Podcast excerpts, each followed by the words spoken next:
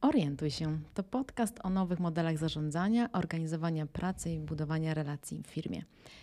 Mówimy o tym, ponieważ obie cały czas, już od roku, e, wierzymy w to, że sukces finansowy firmy może iść w parze ze szczęściem, osobistym spełnieniem. I cały ten sezon jest oparty na ośmiu atrybutach nowego modelu zarządzania. W każdym kolejnym odcinku mówimy o tym, jakie nowe doświadczenia, eksperymenty, metody, które znamy, które doświadczyłyśmy, charakteryzują organizacje turkusowe, abyście mogli się inspirować i może wdrażać je również u siebie. Ja się nazywam Ewa Bocian i jestem założycielką firmy Conscious Organization. Pomagam organizacjom przejść z tradycyjnego modelu zarządzania na bardziej ludzkie sposoby podejścia do pracy, budowania relacji. A ja nazywam się Polina Grabowska i pracuję w firmie SSG Warsaw, gdzie pełnię rolę wewnętrznego coacha, pomagam w naszych wewnętrznych napięciach, w tym w jaki sposób budujemy relacje z innymi, ale też z samym sobą. A przy okazji od jakiegoś czasu opowiadam o tym, co dzieje się w naszej firmie i w jaki sposób zmieniamy naszą kulturę, idąc w stronę turkusowego zarządzania na zewnątrz naszej organizacji. Tym dzisiejszym odcinku jest to już trzeci odcinek, który kontynuujemy, który dotyczy świadomego przywództwa rozumianego jako zaproszenie do życia, które jest wolne od walki i ofiar, wolne od tego, żebyśmy szukali winnych i obwiniali świat zewnętrzny albo ludzi, którzy z nami e, jakoś razem w tej drodze nam towarzyszą. E, I to świadome przywództwo, o którym my mówimy, mm, opowiadamy Wam za tym, w jaki sposób postrzega je Jim Datmer i Diana Chapman. I to już jest trzecia część. W pozostałych dwóch częściach opowiadałyśmy o takich podstawach, czyli o tym, w jaki sposób świadomy przywódca czy lider może w 100% brać odpowiedzialność za siebie, ale w jaki też sposób może wykorzystywać emocje i uczucia, które w nim się pojawiają. E, ale też bardzo ciekawy temat w drugim odcinku, jak możemy zobowiązywać się do tego, aby w swoim własnym życiu kontrybuować i widzieć swój osobisty geniusz, ale też pomagać innym dostrzegać e, ich potencjał i ich genialność. Dzisiejszy odcinek będzie jeszcze głębszy. Dotkniemy już takiej tkanki, którą pozwolę sobie nazwać może tkanką duchową. My wierzymy, jakkolwiek pewnie nie, nie chodzi tutaj o to, żeby to granulować, to ten dzisiejszy odcinek i te y, kolejne pięć zobowiązań, o których będziemy mówiły, my mamy takie osobiste poczucie, że są po prostu bardzo trudne do dostrzeżenia i do takiego praktykowania we w swoim własnym życiu, ale oczywiście to nie oznacza, że niemożliwe. Mm. I zaczniemy dzisiaj check-inem i nasz e, check-in, Ewa, to może ja się zapytam Ciebie, co jest dla Ciebie najtrudniejsze w braniu stuprocentowej odpowiedzialności za swoje życie i za swoją część życia? No, dobre pytanie. Um, to się odnosi do tego pierwszego zobowiązania, mhm. które mówi o tym, żeby brać 100% odpowiedzialności za swoje i wspierać innych w braniu 100%, 100% odpowiedzialności za ich. Nie brać na siebie więcej, ani nie brać mniej. I w tym myślę, że odbijam się często od takiego punktu, w którym jestem niecierpliwa. Chciałabym szybciej. I jak o tym myślę, to teraz, jak rozmawiamy, to mam wrażenie, że mm, ta niecierpliwość właśnie wynika z tego, że nie zgadzam się, nie podoba mi się coś, co sobie przecież stworzyłam, jakoś kontrybuowałam do tego i chciałabym, żeby to się szybciej rozwiązało.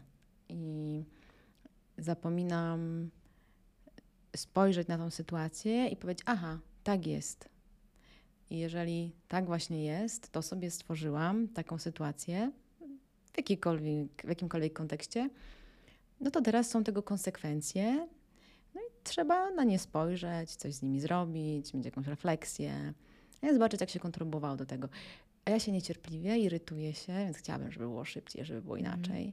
I myślę, że to jest taki punkt, którym um, no, dostrzegam um, taką u siebie wtedy irytację, złość, że coś się nie dzieje wystarczająco szybko. I to czasami jest gdzieś na przykład u kogoś, nie wiem, na jakimś spotkaniu z klientem, jakiejś sesji, warsztacie, a czasami to są moje osobiste tematy, moje osobiste sytuacje, gdzie nie ma nikogo, ja się tak niecierpliwie, że coś mi nie idzie tak szybko, mhm. jakbym chciała. No i wtedy myślę, że automatycznie wchodzi um, obwinianie, nawet jeżeli nie nazywam tego w głowie, że szukam winnych gdzieś tam albo u siebie, ale jednak automatycznie no ktoś lub coś jest przecież odpowiedzialny za to, nie? Mm -hmm. I to nie ja. Mm -hmm. I to jest myślę taki punkt dla mnie jeszcze, który jest wyzwaniem. Coraz mniej w każdym razie, ale nadal. A u ciebie?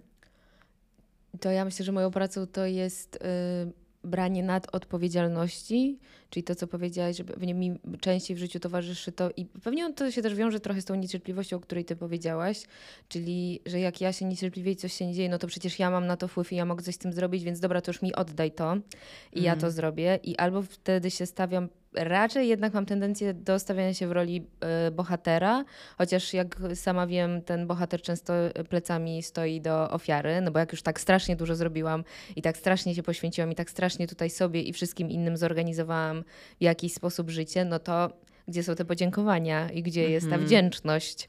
I ta wdzięczność nie, o której też wspominałyśmy, taka prosto z serca, tylko ona ma jakąś konkretnie wyglądać. Należy się. Tak, no tak. E, więc no, mój temat to jest nadodpowiedzialność i właśnie branie rzeczy zbyt wielu sobie do garnuszka, a później irytowanie się, no przeważnie na innych, ale jak już później mam refleksję, to na siebie, więc ani to nie jest, ani to, ani to nie jest obranie takiej stuprocentowej odpowiedzialności, tylko zupełnie o czymś innym i przerabianiu jakichś swoich e, kawałków tak jak ty też nad tym pracuję, ale no, znam te momenty, kiedy się na tym przyłapuję i, no i, i, i, wiem, że to jest właśnie też ta irytacja, o której ty mówisz, która mi towarzyszy. Jak ja już wiem, jak coś zrobić, no to już to zróbmy teraz natychmiast i niech już to się wydarzy i że czasami jest mi po prostu trudno coś odpuścić i niech to będzie takim, jakim jest i wiedzieć, gdzie jest ta moja granica, za co ja odpowiadam, a gdzie jest ta druga osoba, która, czy no jakiś też los, pozwolę sobie to tak nazwać, który jakkolwiek kontrybuuje w tym świecie i ja nie na wszystko mam wpływ i nie na wszystko, nie wszystko mogę też mm. skontrolować. E, więc myślę, że to jest taka lekcja, e, którą co jakiś czas muszę po prostu odrobić. E, już inne dane tam są podane, to już nie jest zawsze 2 plus 2, tylko jest tam więcej niewiadomych. Mm. ale tak, to ja sobie myślę, że to, ta nadodpowiedzialność, kiedyś już usłyszałam to hasło w swoim procesie terapeutycznym i ono do mnie przylgnęło, bardzo ze mną rezonowało, że jest moje i no i też no, no można wtedy się temu przyglądać, ile to szkody wyrządza. Pewnie czasami też pożytku, bo to nigdy nie jest zero-jedynkowe, ale no żeby mieć po prostu prostu tę świadomość, mm. gdzie i w czym mm. się podejmuje, jakiego rodzaju decyzje i ile procent w związku z tym się daje. Czy przypadkiem to nie jest 200%, mm. e, bo to też nie jest tak. o tym wtedy. I jak o tym teraz mówiłaś, to zdałam sobie sprawę, że zarówno ten twój schemat brania więcej odpowiedzialności niż twoje i mój niecierpliwienia się i popychania rzeczy do przodu mm. w takim tradycyjnym systemie organizacyjnym są bardzo mile widziane. Oczywiście. No bo przecież jest ten ktoś, który ciągle pcha, nie? Będzie szybciej, będzie więcej, będzie bardziej. Jest ten ktoś, który weźmie to na siebie, to czego inni nie chcą wziąć, szczególnie w trudnych sytuacjach. Idealnie. To yeah, są idealne, tak, idealne cechy na awans, tak? Dlatego 6 więcej. lat byłam w jednym miejscu bardzo długo. Wczoraj o tym z kimś rozmawiałam, dlaczego tak długo. To tak, między innymi dlatego, bo po prostu tak. idealnie tam się wpasowywałam. I pamiętam, że też kiedyś z kimś e, rozmawiałam o tym, że właśnie takie osoby, które są nadodpowiedzialne, które lubią być bohaterami, które lubią organizować, które lubią podejmować decyzje, które się nie boją, które właśnie, no jak cała klasa nie podnosiła ręki, to ja byłam tą osobą, która podnosiła rękę, bo czułam się odpowiedzialna, że w końcu trzeba coś z tym zrobić. To tak, taki tradycyjny tradycyjny, hierarchiczny świat korporacji, no to na pewno coś tam osiągniesz. Hmm. I to jest też niesamowite z mojej perspektywy, bo to można robić właśnie w taki bardzo zdrowy sposób. I inicjować rzeczy, podejmować decyzje, iść do przodu, brać odpowiedzialność. No i można przegiąć pałę? Mhm. pójść za daleko w tych wszystkich naszych schematach. No i wtedy zaczyna być to niezdrowe. Coś, co było super dobre i fajne i pomocne, nagle zaczyna być uciążliwe i tworzy środowisko, w którym mamy te ofiary, mamy tych bohaterów, mamy tych katów i dalej gdzieś, tam się w tym zagłębiamy i no nie, po, nie pomagamy systemowi. Więc trzeba zawsze uważać, żeby nie wylać dziecka z kąpielą. To co, to, co dla mnie było istotną refleksją, to też zorientowanie się, że po co ja to robię, bo jeśli ja to robię, bo chcę komuś coś udowodnić albo sobie, I to jest, no, no gram w jakąś też grę i coś próbuję tym ugrać i coś uzyskać. I że wiadomo, tak jak mówisz o tym, czy to by była kwestia awansu i to są, no, to są jakieś ważne rzeczy. Często to też idzie z jakąś gratyfikacją finansową, więc też rozumiem, z czego to wynikało.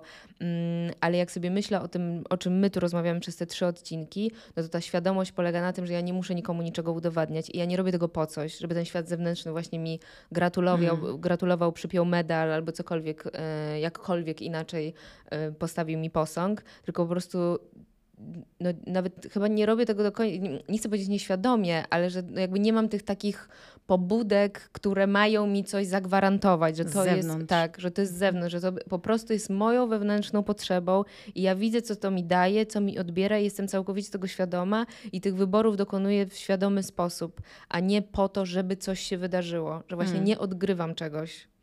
No i tak płynnie, pięknie przeszłyśmy do jedenastego zobowiązania, które mówi właśnie o tym, że to my jesteśmy źródłem naszego bezpieczeństwa, naszego tego mm, poczucia wpływu, kontroli nad tym, co się z nami dzieje i też uznania, tej samoakceptacji. I gdy wychodzimy z tego punktu, to nie oczekujemy od innych, żeby nam to zorganizowali. Nie oczekujemy od organizacji, żeby nam to zorganizowała, naszego szefa, żeby nam dał uznanie i akceptację Y, albo y, tak dał poczucie bezpieczeństwa. To często też wchodzimy do organizacji, bo one dają pewne poczucie bezpieczeństwa lub iluzję mhm. poczucia bezpieczeństwa. I to, co w jedenastym zobowiązaniu jest istotne, to aby zobaczyć, że to my sobie je tworzymy.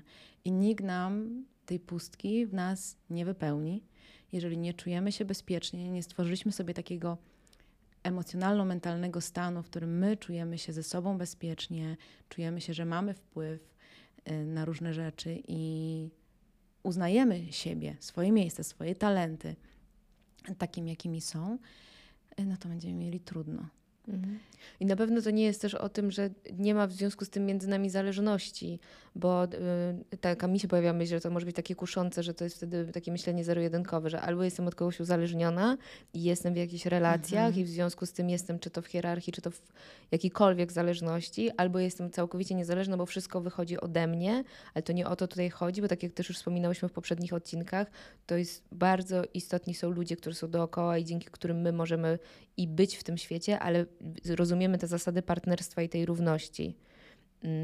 I że tak jak ty mówisz o tym tworzeniu sobie bezpieczeństwa, to ja jestem tym punktem, który no, ma ten balans jakiś decydowania o tym, kiedy ja się czuję bezpiecznie, a kiedy nie, i mogę też decydować, co w związku z tym zrobię, mm. a nie, że jest ktoś na zewnątrz, kto o tym decyduje i mogę się jedyne co robić, to się po prostu na niego złościć, że on nie spełnia tych moich potrzeb i tego, czego ja aktualnie chcę. Mm. I być ofiarą i szukać tego bohatera, tego kogoś zbawcy, który teraz zrobi coś, żebym ja się mogła jakoś mhm. poczuć. Tylko to niestety ma bardzo krótkie nogi i pewnie większość y, miała okazję doświadczyć tego, kiedy lokujemy jakieś nadzieje w kimś, potem jesteśmy rozczarowani, że ten ktoś nie dostarczył tego, co my tam gdzieś nieświadomie, a czasami świadomie, mhm. ale jednak nie oficjalnie, nie wprost, nie na zewnątrz mhm.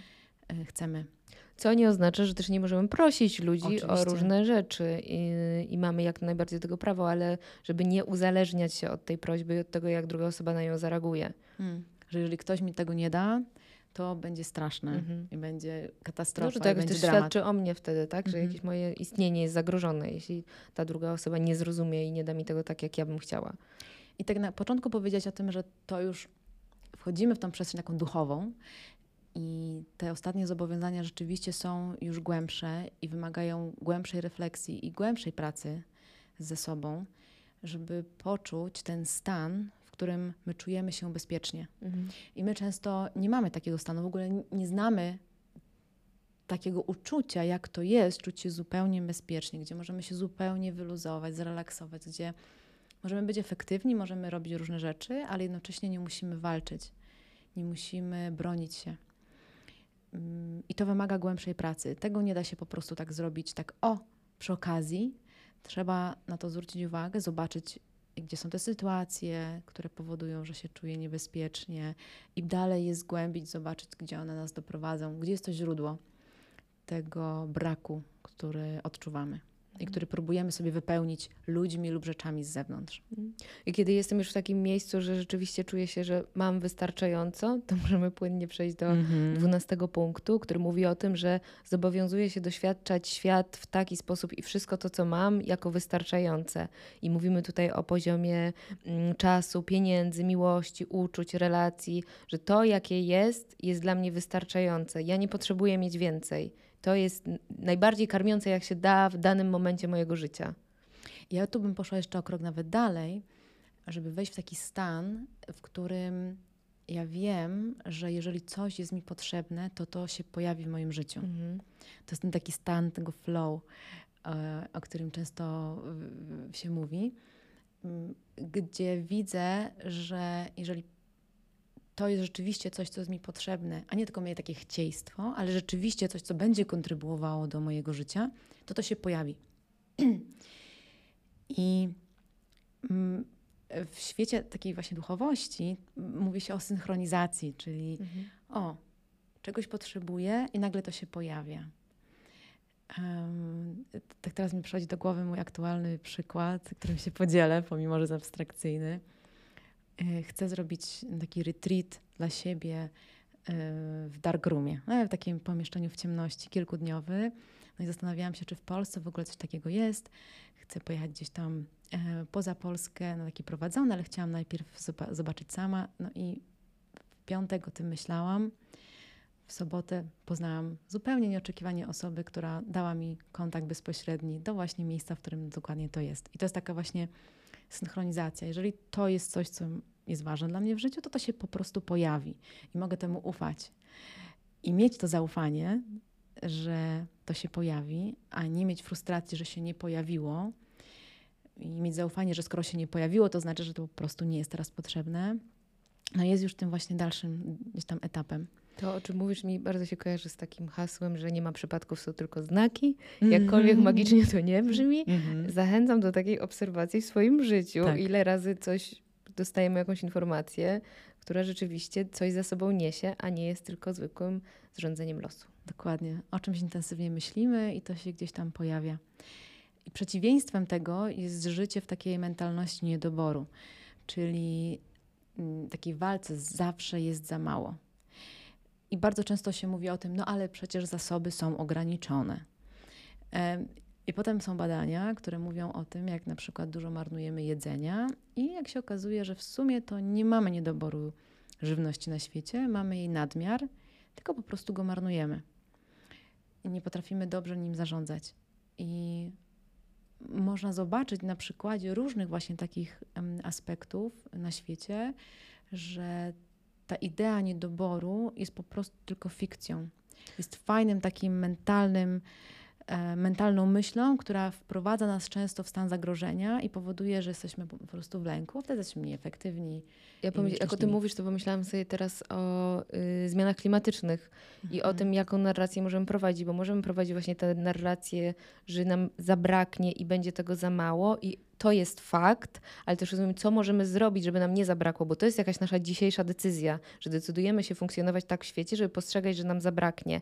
I jeżeli zdecydujemy się podejmować, jakieś inne akcje, nie obrażać się właśnie na to i nie szukać winnych, co się stało, że jesteśmy w takim miejscu, tylko podjąć akcje, które po prostu zdecydują o tym i zmuszą nas do przeformułowania swojej dotychczasowej aktywności, to okazuje się, że będziemy mogli żyć dłużej na tym świecie niż krócej. No ale to jest właśnie Mhm. też jakaś kwestia mentalności i tego, w jaki sposób podchodzimy do tej informacji, że czegoś może w jakiś sposób zabraknąć. I ten temat w ogóle ekologii jest też bardzo ciekawy pod względem świadomego przywództwa i tego tematu i niedoboru, ale bycia też ofiarą, ponieważ bardzo łatwo jest wejść w taką narrację, to korporacje, to przecież oni, bo oni produkują te samochody, bo oni produkują te ciuchy, bo oni produkują to wszystko. To wszystko, z czego my korzystamy. I my kontrybuujemy do tego. My świadomie podejmujemy decyzje na temat tego, czym jeździmy, co kupujemy, co wyrzucamy, czy używamy czegoś jeszcze raz, czy też po prostu ląduje na śmietniku. Więc my wszyscy i każdy z osobna kontrybuuje do tego i ma swoją odpowiedzialność w tym. I oczywiście to nie chodzi o to, żebym ja teraz wzięła odpowiedzialność za wszystkich ludzi na Ziemi, za to, że na przykład śmiecą, ale żebym wzięła za siebie odpowiedzialność i żyła właśnie w zgodzie z tym.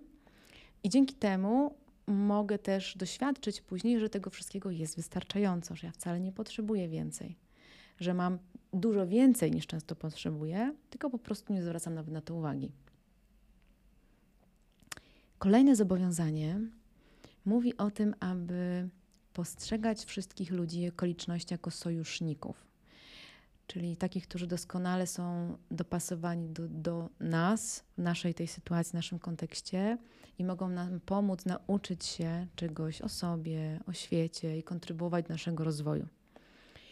Czyli nawet jeżeli mam z kimś konflikt i uważam, że ktoś jest przeciwko mnie, to jeżeli biorę pewną odpowiedzialność za siebie, za moją część, to mogę w tym zobaczyć, że tam jest jakaś lekcja dla mnie. Mhm. To mi o czymś mówi.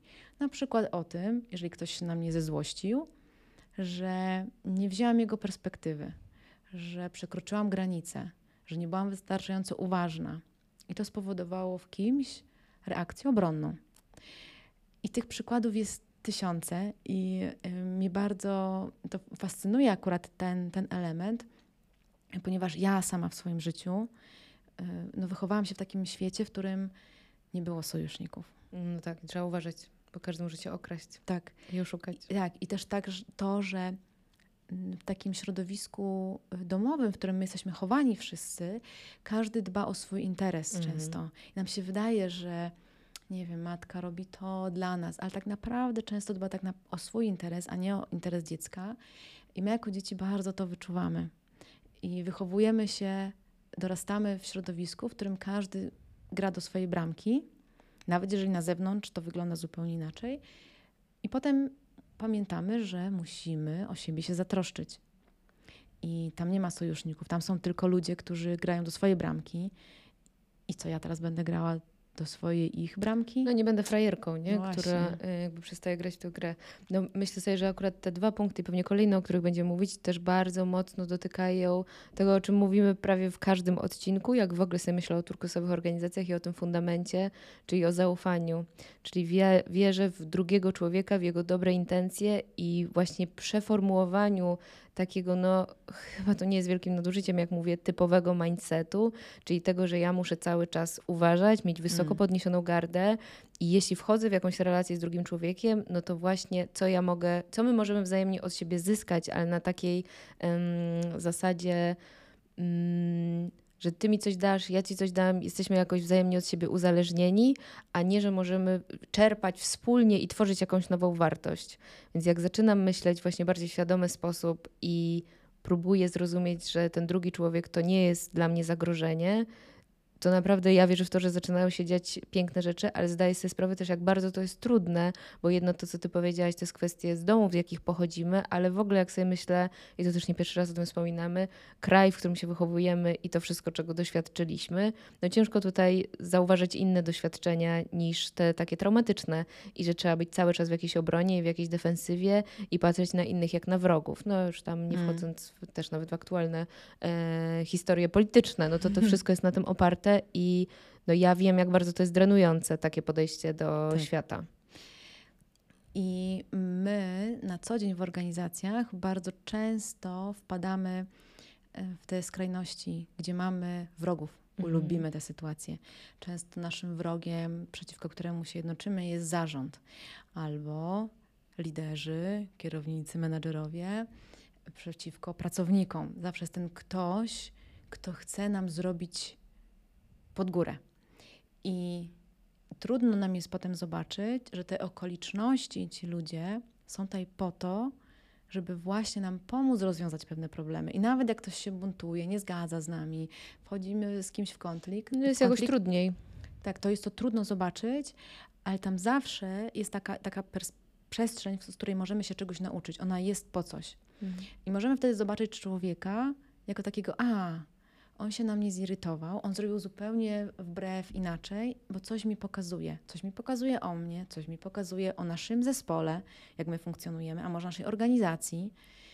I te mikrodynamiki, które między nami się pojawiają, mogą się bardzo ładnie przysłużyć do um, uzdrowienia naszej organizacji i poprawienia tego ogólnego zdrowia organizacji, tego well-beingu, ale też kondycji finansowej, ekonomicznej.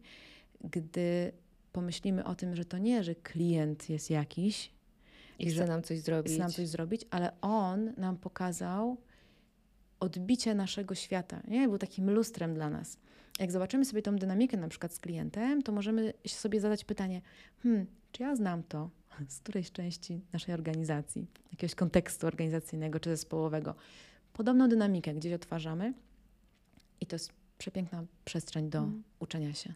I pewnie to znowu jest o takiej umiejętności też patrzenia na różne sytuacje z takiego metapoziomu i nie przywiązywania się też aż tak bardzo, że wszystko, co się Mhm. dzieje w moim życiu, jest tylko i wyłącznie o mnie na takiej zasadzie, że wszystko mnie dotyczy. Rozumiem to, co ty mówisz, że ja mogę z tego wyczerpać dla siebie jakąś lekcję, czerpać jakąś lekcję, ale żeby znaleźć też tę umiejętność, co, co się stanie, jak ja od tego zrobię kilka kroków w tył i zobaczę właśnie to, o czym ty powiedziałaś, jaka dynamika się tam wytwarza, o czym ta historia, która się dzieje, może to jest jakaś historia, która się też powtarza w jakiś sposób w moim życiu, w, w życiu naszego zespołu, w życiu y, całej organizacji, żeby znaleźć tam jakieś wspólne punkty i zobaczyć, czy ta historia właśnie nie niesie za sobą jakiejś lekcji i lekcji też rozumianej z tą dobrą intencją. Nie po to, żeby nas skrzywdzić, nie po to, żeby nas ocenić i nie po to, żeby powiedzieć, że zobacz, jak robiłeś źle do tej pory i wreszcie może byś się czegoś nauczył, bo też sobie Hmm. myślę o tym, że to jest o wierzę w to, że, no, że życie nie jest tym złym e, nauczycielem, który stoi nad nami z linijką, tylko jest po to, żebyśmy właśnie wspierali się i tworzyli cały czas jakąś genialność tej naszej osobowości, naszej osobistości jako człowieka i jako ludzi. I umiejętność spojrzenia na to z zupełnie innej perspektywy, który też zdaje sobie sprawę, nie jesteśmy jej nauczeni, chociażby będąc zakorzenieni w takiej religii, a nie innej, gdzie jednak Bóg Ojciec jest tym, który, ma, który chce nas karać, I jest dobro i zło. i jest dobro i zło i wszystko jest bardzo dualne, to możemy zo- zobaczyć zupełnie jakiś inny. W ogóle świat zaczyna się jawić w innych barwach. Mhm. I życie w firmie, Mhm. albo w ogóle. I kolejne zobowiązanie, które dalej też kontynuuje to, o czym mówiłyśmy wcześniej, to takie zobowiązanie do tworzenia się rozwiązań win-win dla wszystkich. Jest to trochę wyświechtane pojęcie, ale to tak jak sobie myślę o tym, co mówiłyśmy wcześniej, czyli spojrzenie na to, że istnieją takie sytuacje i możemy tak zorganizować sobie świat, że rzeczywiście nie będzie tych przegranych. Mm, i- to będzie dotyczyło wszystkich kwestii, wszystkich problemów, i zrezygnujemy z takiego myślenia, że świat to jest jakaś gra o sumie zerowej, czyli jak ja coś mam, to ty czegoś musisz nie mieć. I odwrotnie, jeśli ty coś masz, to ja czegoś muszę nie mieć, więc tym bardziej muszę się bronić i muszę dbać o to, żeby cokolwiek dla mnie zostało. E, I takie postrzeganie świata pozwala nam też na myślenie o tym, że jeśli mi cokolwiek złego się dzieje, to tak samo się będzie działo tobie coś złego. Jeśli tobie się będzie działo coś złego, to mi się też będzie działo coś złego. Czy chcę doprowadzić do takich sytuacji? No pewnie nie. Pewnie to nie jest coś, na czym by mi zależało. I jak sobie myślę w takim kontekście e, chociażby sytuacji zespołowej, jak między nami pojawiają się jakieś konflikty i na przykład jeśli cokolwiek źle- się dzieje jednej osobie, to znaczy, że dzieje się źle całemu zespołowi, bo wszyscy jesteśmy jakby zanurzeni w tej samej Mm. sytuacji. I myślę sobie tutaj, mówię teraz o szkodzie, ale to tak samo, y, tak samo tyczy się to e, wygranej, w takim kontekście myślenia o tym win-win. Jeśli coś, jeśli dzieje się nam jednej osobie dobrze, to też cały zespół może na tym korzystać. I dla mnie to jest też taka bardzo głęboka zasada, czy też zobowiązanie, podejście, bo ono mówi o tym, żeby wziąć drugiego człowieka jako część siebie. Nie? Czyli co się stanie, jeżeli ja to coś zrobię, coś powiem? Czy ty będziesz cierpieć? Jeżeli ty będziesz cierpieć, to to do mnie wróci. I to są oczywiście takie wyświechtane też pojęcia, Mhm. Ale tak naprawdę, jak spojrzymy sobie nawet na naszą tutaj rozmowę i na nasze przygotowania, tak, to wszystko, co robimy też poza e, kontekstem e, podcastu, jeżeli ja zrobię coś, co ciebie w jakiś sposób zrani, to ty dasz mi jakąś reakcję. Coś z tym zrobisz. Wrócisz do mnie z czymś, co najprawdopodobniej nie będzie dla mnie też Mhm. przyjemne. To na poziomie takiej, takim praktycznym, fizycznym do mnie po prostu wróci. I my to możemy obserwować non-stop. To, czego my nie robimy, to nie zdajemy sobie często sprawy w ogóle z tego, jak nasze działania wpływają na innych. Mhm. I gdy jesteśmy w kontekście zespołowym, to jesteśmy tak zanurzeni w tych dynamikach, to co mówiłaś, jesteśmy tak pochłonięci tym, że nie dostrzegamy, gdzie jest przyczyna, Mhm. a gdzie jest skutek. Mhm. I musimy wtedy się zatrzymać, zrobić tą autorefleksję i metarefleksję, zamiast, zamiast być w tej treści, wyjść i zobaczyć, co tu się w ogóle dzieje i sprawdzić, jakie moje zachowanie, jakie moje myśli, moje emocje, moje słowa, moje działania wpłynęły na tą sytuację. I czy ja w tym wszystkim, co robię, myślę, jak działam, biorę pod uwagę innych, czy zapominam. I my bardzo często zapominamy, bo zakładamy, że inni mają dokładnie tak samo jak my. Nie, że jesteśmy tacy mhm. sami i skoro dla mnie to jest dobre, to na pewno to jest dla ciebie dobre. No i to jest taki przykład, mam teraz bardzo banalny przykład, z budowaniem e, w różnych budynkach użyteczności publicznej toalet. Mhm. Jeśli jesteś mężczyzną i projektujesz toalety, to nie pamiętasz zapewne, co często doświadczamy jako kobiety, że kobiety mają trochę inne potrzeby niż mężczyźni. Nie potrzebują pisuarów, potrzebują wieszak na torebkę i różne dodatkowe rzeczy. E, więc wziąć pod uwagę tę perspektywę drugiej strony, innej strony, czegoś zupełnie innego od nas, powoduje, że możemy tworzyć rozwiązania, które są bogatsze i które nas wszystkich no, uszczęśliwiają. No, mhm. nic piękniejszego niż wejść do toalety w jakimś publicznym miejscu, gdzie jest ich więcej. Nie ma kolejki do ma damskiej. kolejki, tak, do damskiej. I są te wszystkie rzeczy, które powodują, że po prostu jest łatwo i przyjemnie i nie musisz się zastanawiać nad tym, to co ja teraz zrobię z torebką. Mhm. No wiem, że banalny przykład, Nie, no ale tak, to jest, ale, ale w, w ten sposób, z mojej perspektywy, można zobaczyć, jak taka ta duchowość i te głębokie procesy przenikają życie codzienne, bo one mają zawsze odzwierciedlenie w życiu codziennym. Ale myślę, że to jest właśnie super przykład na to, jak bardzo będąc zakorzenionym w czymś i też mogę sobie wyobrazić, że wszystkie osoby, a w większości pewnie mężczyźni projektując toalety, robili wszystko, żeby było jak najlepiej, mieli bardzo dobre tak. intencje, ale nie są w stanie zintegrować i zrozumieć i po prostu zauważyć tego innego świata. I chwała Bogu, że też dzisiaj coraz częściej się o tym mówi, e, ale że, no, że jakoś tak czuję też, że pojawia się po prostu w świecie to przyzwolenie na to, że zobacz, jak ma inny. Nie? Jeśli mhm. sobie też mówimy właśnie o inkluzywności, różnorodności, no to to jest właśnie dążenie do tego, żeby zauważać i integrować nie tylko swoją perspektywę, bo jeśli zintegruję perspektywę tego drugiego człowieka, to co, o czym ty powiedziałaś, jeśli on jest częścią mnie, to my wtedy wspólnie na tym zyskujemy i możemy razem coś budować zupełnie nowego, innego i dążyć do, jak pięknie to nie brzmi, po prostu większego szczęścia i większego poczucia szczęścia w kontekście organizacyjnym i zmian z tego tradycyjnego modelu zarządzania na samoorganizację, mm, bardzo często to widać, jakie skutki przynosi negatywne. Niestety, niebranie perspektywy innych pod uwagę. Czyli podejmujemy decyzję gdzieś tam na szczycie, nie bierzemy pod uwagę tego, że ktoś dziewięć poziomów niżej w hierarchii ma zupełnie inny kontekst, mhm. zupełnie inną rzeczywistość. Codzienny dzień inaczej wygląda, kontakt z klientem inaczej wygląda i potrzebuje zupełnie czegoś innego, żeby móc efektywnie pracować i być skutecznym w tym, co robi. I gdy nie bierzemy tych różnych skrajnych perspektyw pod uwagę, to cierpimy na tym wszyscy, ponieważ tak się można wydawać jako liderzy, że ale przecież wzięłam, wzięłam perspektywy wszystkich, ale perspektywę najlepszą ma ten, który tam właśnie siedzi na tym spotkaniu z klientem, bo on dokładnie wie, co się u klienta dzieje. Jeżeli sprzedaje coś w sklepie albo siedzi na słuchawce i robi kolejny telefon, to on dokładnie wie, co jest potrzebne, a co jest niepotrzebne, co mu pomoże, a co mu przeszkodzi. I my nie jesteśmy sobie w stanie tego wyobrazić. Więc y, zrobienie tego ruchu do i wniesienie do procesu zmian perspektywy różnych osób, w skrajnych częściach organizacji powoduje, że organizacja jest po prostu zdrowsza, lepiej ludzie mogą robić to, po co tu przyszli. No i na koniec dnia wszyscy jesteśmy o wiele bardziej zadowoleni. Finansowo, emocjonalnie, mentalnie, fizycznie. I ostatni punkt, piętnasty. Niełatwy. Niełatwy. Niełatwy. Jest taką wisienką na torcie i jest mocno taki mocno duchowy, tak to ujmę prosto, mówi o tym, żeby jako świadomy lider być rozwiązaniem, które jest potrzebne.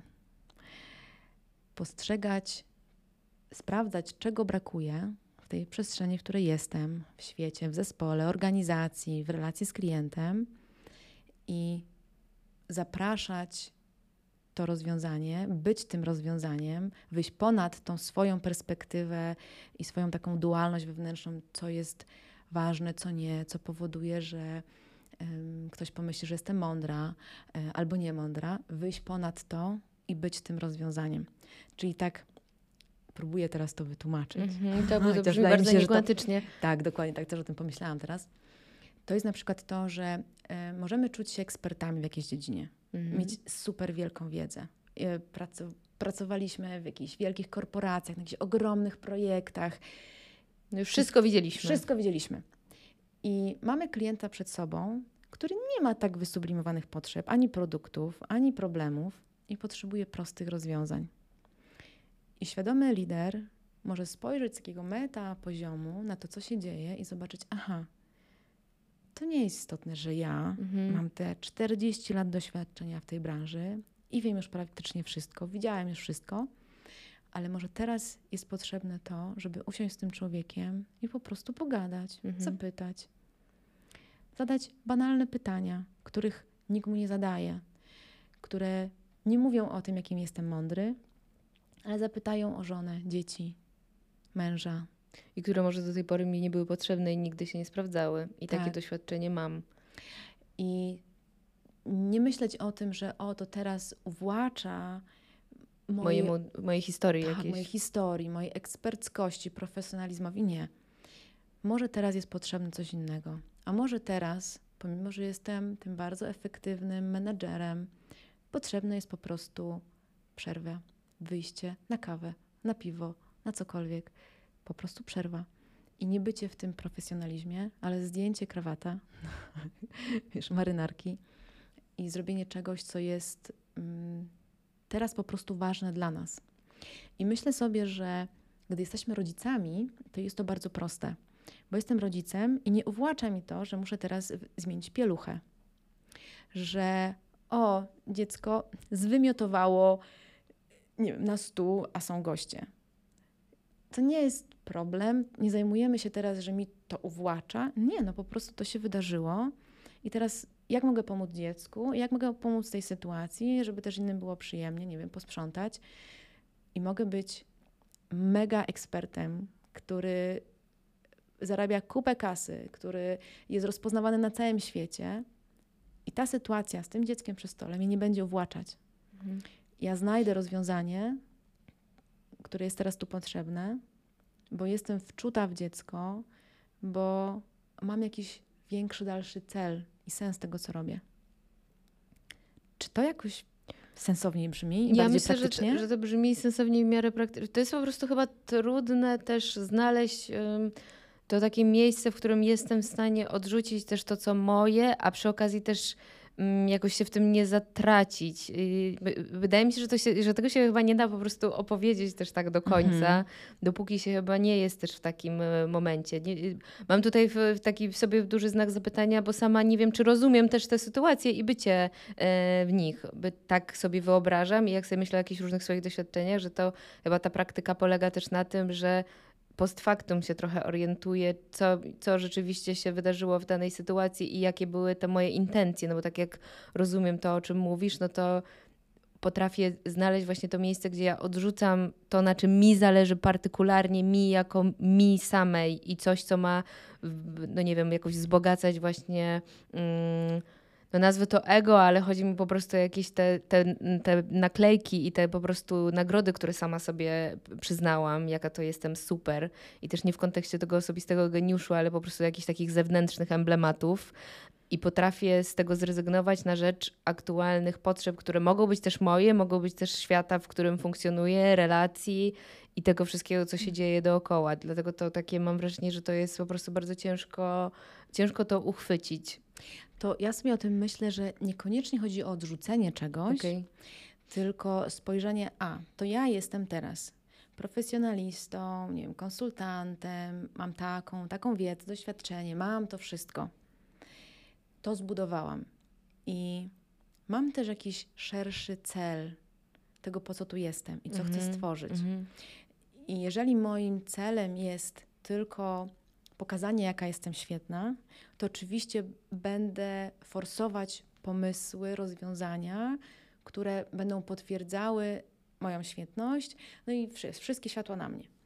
Ale jeżeli moim tym sensem tego, po co tu jestem, jest coś innego, a w każdym przypadku każdego człowieka jest coś innego niż tylko wiesz, budowanie tego swoje, tej swojej osobowości i konkretności, ym, y, czyli na przykład szczęście, radość, harmonia, gdzie są te potrzeby głębokie emocjonalne. Ja chcę to budować też z innymi, mhm. to ja nie muszę odrzucać tego wszystkiego, mhm, kim jestem, tu jako ja, Ewa. Mogę wyjść ponad to i zobaczyć, a bez względu na to wszystko, jakie mam tam certyfikaty w mojej szafce, mogę spojrzeć, to teraz potrzebne jest coś innego. Mhm. Jest potrzebne milczenie. Mhm. Jest potrzebne powiedzenie dziękuję. Jest potrzebne zupełnie coś, co może nie jest tak wysublimowane, jakbym chciała, ale tu nam pomoże stworzyć inną energię, czyli pomoże nam stworzyć energię tej ciekawości, współpracy.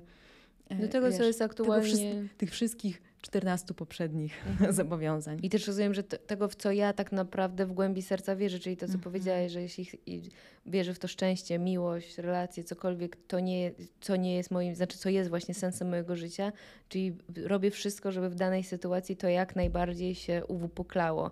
Też jak powiedziałaś o tym, że yy, jakby nie, nie, w kontekście odrzucania, ale też właśnie to, co powiedziałaś, że jakby rezygnuję yy, z tych swoich emblematów, tego, że nie wiem, jestem teraz genialna i tak dalej, no rozumiem, że to jest jeden przykład, ale że tak samo tym przykładem to, na co mogę jakby się decydować swoją energię w co wtłaczać, no to właśnie chociażby na bycie tą ofiarą, bo to nie, mm -hmm. też nie chodzi mhm. tylko o to, że ja mogę mm, tę swoją energię w coś takiego, co jest uniwersalnie rozumiane jako sukces. No rozumiem, że, bo to jest, wtedy bym to rozumiała na tej zasadzie, że jestem, właśnie stawiam się w tej pozycji bohatera, ale mogę też się decydować całą swoją energię, jakiś sens istnienia właśnie pchać w to, żeby całe życie być ofiarą i też się jakoś temu poddawać, a nie kontrybuować mhm. w czymś, co rzeczywiście uważam za swój sens życia. I na przykład czy się czuję bardziej szczęśliwsza, będąc cały czas obwiniając innych i myśląc sobie, Boże, jaka to ja jestem biedna?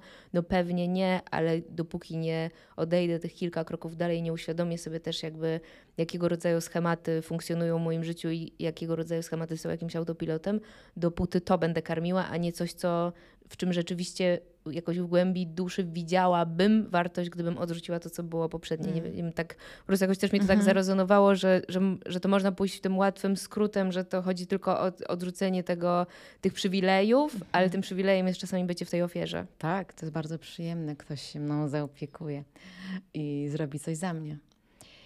I odwrotnością tego jest funkcjonowanie w takiej apatii, takim niedziałaniu. Widzę, że coś jest potrzebne, ale nie będę tego robić, nie chce mi się. Um, lub... Dlaczego ja, a nie tak. inni? E, I teraz się obrażę, bo ktoś coś tam. I pomimo tego, że wiem, że pomogłoby tutaj, gdybyśmy usiedli, po prostu porozmawiali szczerze, to nie, obrażę się i wyjdę.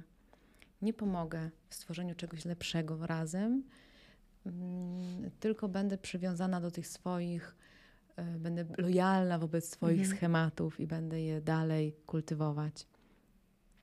I oczywiście przypisywać komuś winę, odpowiedzialność, e, czasami nic nie robić i być zupełnie bierną.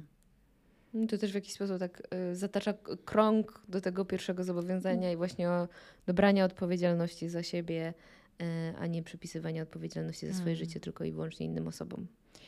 No i ten pierwszy jest najważniejszy. To pierwsze zobowiązanie o braniu 100% odpowiedzialności za siebie i wspieraniu innych w braniu 100% za nich, y, odpowiedzialności za nich jest fundamentem. Od niego bardzo war warto zacząć i on przeplata się i jest częścią każdego kolejnego zobowiązania i pokazuje inny odcień tej odpowiedzialności. No to tyle. Nasza podróż z 15 zobowiązaniami świadomego przywództwa dobiegła końca. E, mamy nadzieję, ja mam przynajmniej nadzieję taką, że rzeczywiście to może być inspirujące. Jakkolwiek mam nadzieję, że udało nam się to przedstawić w jakiejś w miarę e, fajny sposób i zjadliwy, e, ale no też wierzę w to, że to po prostu to jest taka praktyka, która musi się też odbywać w działaniu, a nie tylko i wyłącznie w teoretyzowaniu. Mhm. I mam taką myśl na koniec e, z kategorii call to action, że jeżeli któreś z tych zobowiązań Cię zaciekawiło albo zirytowało, uważasz, że jest bzdurą zupełną, to to są właśnie te, które pewnie dadzą Ci największą korzyść, jak z Mhm. nimi popracujesz. Bo znaczy, że tam jest największy potencjał do, Do zmiany. czegoś, do zmiany. Mhm. Mhm. I do zmiany jakości swojego życia, relacji i tego, w jaki sposób e, pokazujemy się, jesteśmy jako liderzy e, w każdej naszej większej lub mniejszej roli, w większym, mniejszym kontekście zawodowym czy prywatnym. Zachęcamy Was, jeśli to był pierwszy odcinek, który przesłuchaliście z tych trzech części, do przesłuchania pierwszej i drugiej, żeby zrozumieć i jakoś tak całościowo ogarnąć to, o czym mówiłyśmy. I oczywiście zachęcamy do e, subskrybowania naszego kanału na Spotify, Apple Podcast albo Google Podcast, w zależności od tego, jakiej aplikacji używacie. Mm, Dawania nam tam gwiazdek, przeważnie na, znaczy tylko i wyłącznie kojarzę, że na Spotify tak jest. E, I jeśli macie ochotę, no to też znajdziecie nas na LinkedInie. Linki do naszych LinkedInów są w opisie całego podcastu. No to do zobaczenia przy kolejnym odcinku. Pa!